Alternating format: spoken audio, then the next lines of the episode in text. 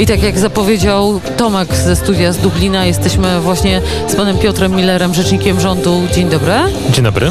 Przed chwilą pan premier Mateusz Morawiecki powitał mieszkańców i opowiadał o tym, że e, Polski Ład jest, e, jest dla właśnie takiej Polski powiatowej, że nie możemy mówić o rozwoju, jeśli nie będziemy rozwijać takich miejsc jak Tykocin.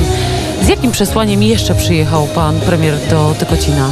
Przede wszystkim musimy spojrzeć na Polskę właśnie w taki wszech- wszechstronny sposób, ale też dokonać takiego rzetelnego podsumowania ostatnich 30 lat transformacji ustrojowej. Polski Ład jest takim ważnym krokiem po tych kilku latach rządów Prawa i Sprawiedliwości, aby ten zrównoważony rozwój e, sfinalizować w postaci właśnie tych wielkich inwestycji. To jest główny dzisiaj e, przekaz, ale również to, że em, tutaj mieliśmy wcześniej te spotkania, również to, że ważnym elementem Polskiego Ładu jest kwestia polityki rolnej, bo dzisiaj też byliśmy w jednym z gospodarstw rolnych.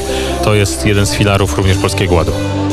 Pan premier przechadza się właśnie wśród e, stoisk e, kół gospodyń wiejskich. Państwo narzucili sobie katornicze tempo. E, Chwilę temu byliście w Białymstoku. Tam premier opowiedział mieszkańcom o tym, że między innymi odbudujemy Teatr Białostocki. 26 milionów złotych przeznaczone na odbudowę teatru. A jak Państwo rozmawiają z mieszkańcami, to jaki jest odbiór Polskiego Ładu? I dodam, że nie chodzi mi o to, jako rzecznik rządu Pan zapewne powie wspaniały i cudowny. Pytam o bolączki, jakie chcą przekazać premierowi.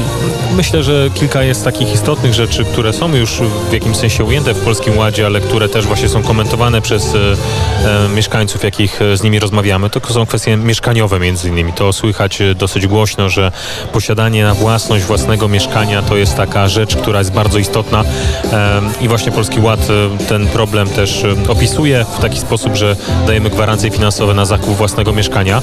E, No innymi tematami są oczywiście kwestie opieki, przedszkola, żłobki, o tym też dużo słyszymy e, w czasie takich spotkań, e, no bo polityka prorodzinna również e, w taki sposób powinna się objawiać.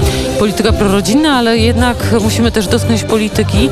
Nie ma zgody, pełnej zgody w koalicji Zjednoczonej Prawicy. Trwają według doniesień e, rozmowy z wicepremierem Jarosławem Gowinem.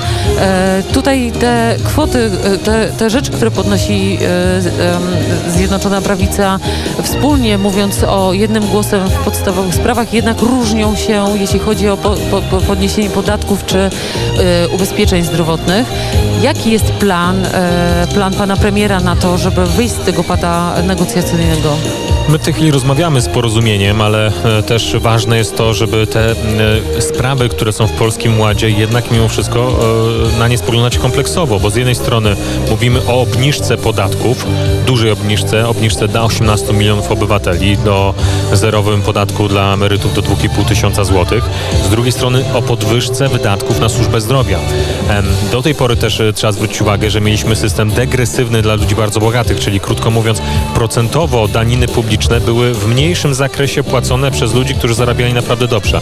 My chcemy to zmodyfikować, no i to budzi opór pewnych środowisk, które przyzwyczaiły się do tych pewnych przywilejów, które otrzymały w, w ramach transformacji ustrojowej. My i tak delikatnie to korygujemy, aczkolwiek no, budzi to emocje u niektórych osób, ale konkludując, 18 milionów osób będzie miało obniżone podatki, 90% osób będzie miało obniżone lub będzie to dla nich neutralne. Tak? Kilku procent dotyka de facto ta zmiana w sposób jakikolwiek e, negatywny. Co stanie się z Polskim Ładem i tym projektem, jeśli czwarta fala pandemii uderzy jeszcze mocniej niż te trzy poprzednie? Czy Państwo analizują sytuację w chwili, kiedy nastąpi tutaj taki poważny problem w postaci tego, że nie jesteśmy w stanie opanować wirusa, który pustoszy świat? Przede wszystkim zacznijmy od tego, że e, mamy szeroki program szczepień. W tej chwili właściwie każdy, kto, e, kto chce się zaszczepić, może Ale to zrobić z panie, dnia na dzień. panie Rzeczniku Szanowny, Polacy już nie chcą się szczepić. No i właśnie chciałem do tego przejść. I teraz wyzwaniem jest nie logistyka, nie dostawy, lecz przekonanie e, obywateli. To jest niezwykle trudne w naszych warunkach, gdzie no, taki zdrowy, dys- znaczy niezdrowy dystans właśnie się pojawia do, do, do szczepień, niestety. Natomiast no, już ponad 50% osób w Polsce jest zaszczepionych co najmniej jedną dawką, więc to jest też już informacja mimo wszystko pozytywna. To oznacza, że mniej osób będzie chorowało na jesień, to jest jedna rzecz. Natomiast wracając jeszcze do kwestii czwartej fali, no, my na szczęście wyciągamy też wnioski z tego, co się działo wcześniej. Jesteśmy gotowi, aby uruchomić szpitale tymczasowe ewentualnie. Też mamy mechanizmy pomocowe m, ewentualne dla przedsiębiorstw, chociaż mam nadzieję, że nie będą musiały być uruchamiane. Chociaż tarcza premiera Mateusza Morawieckiego uchroniła wiele milionów miejsc pracy w ostatnich miesiącach i to był duży sukces. Rozmawiałam tutaj z jedną z właścicielek firm podlaskich, firmy rodzinnej, kobietą, której rodzina e, mm, ma duże pola ziół. Ona rozpoczęła działalność e, i produkuje, przetwarza te zioła, produkuje kosmetyki z tych naturalnych ziół podlaskich. I ona, e, e, osoba, która skończyła biochemię w Stanach, powiedziała, rozmawiając ze mną o Polskim Ładzie, powiedziała, że ona jest jednak zwolennikiem tego, żeby samemu sobie radzić i niekoniecznie czekać na pomoc rządu. Czy to nie jest trochę tak, że zbyt wiele pieniędzy popłynęło z tarcz do miejsc, gdzie niekoniecznie one były potrzebne? Wie pani co, no to jest tak, że po wielu miesiącach każdy może spoglądać na to w różny sposób, natomiast fakt jest taki, że tarcz, tarcza antykryzysowa premiera Morawieckiego doprowadziła do sytuacji, w której mamy najniższe bezrobocie w Unii Europejskiej. W dla- według statystyk unijnych, mówię o tej metodologii unijnej, nieco ponad, ponad 3 punkty procentowe. W Hiszpanii między 15 a 16%. Niech Państwo sobie wyobrażą w tej chwili bezrobocie kilkukrotnie większe niż teraz. Niech Państwo sobie wyobrażą powrót do przełomu lat 90. i XXI wieku, gdzie bezrobocie było główną zmorą. W tej chwili na szczęście tego pro problemu nie mamy właśnie dzięki zdrowym finansom publicznym i wpompowaniu bardzo dużej śro- ilości środków z tarczy premiera Morawieckiego do gospodarki. Kończy się wizyta w, Supr- w Supraślu, Boże, my byliśmy w Supraślu, ja też jeszcze żyję na tym Podlasiu. Zbliża się do nas pan premier Morawiecki. Niestety chyba się nam nie uda go zaprosić do studia, ale mamy rzecznika rządu Piotra Millera. Gdzie teraz szef pana zabiera?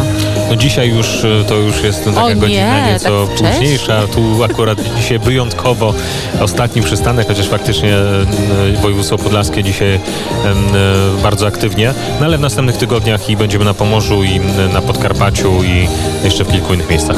Czy e, premier e, jest, znaczy, czy czasami myśli pan o tym, jak zasypiając, że zadzwoni premier, bo premier słynie z tego, że jest osobą bardzo pracowitą i pracuje bardzo długo. Jestem już do tego przyzwyczajony, jestem ponad dwa lata rzecznikiem rządu, więc już mnie to nie zaskakuje. Natomiast faktycznie e, premier, e, ja mam 32 lata, premier nieco ponad 50, a ma więcej energii niż ja i to jest na pewno motywujące do pracy. Proszę spróbować babki w kole gospodyń wiejskich, dopóki jeszcze jest. Bardzo serdecznie dziękuję, Dziękuję za bardzo. wizytę w studiu. Gościem popołudnia wnet przedłużonego do studia w Dublinie, gdzie siedzi i prowadzi, czeka na antenę nasz dyrektor Tomasz Wybranowski, był rzecznik rządu Piotr Miller. Serdecznie dziękuję za Jeszcze raz wizytę. dziękuję bardzo.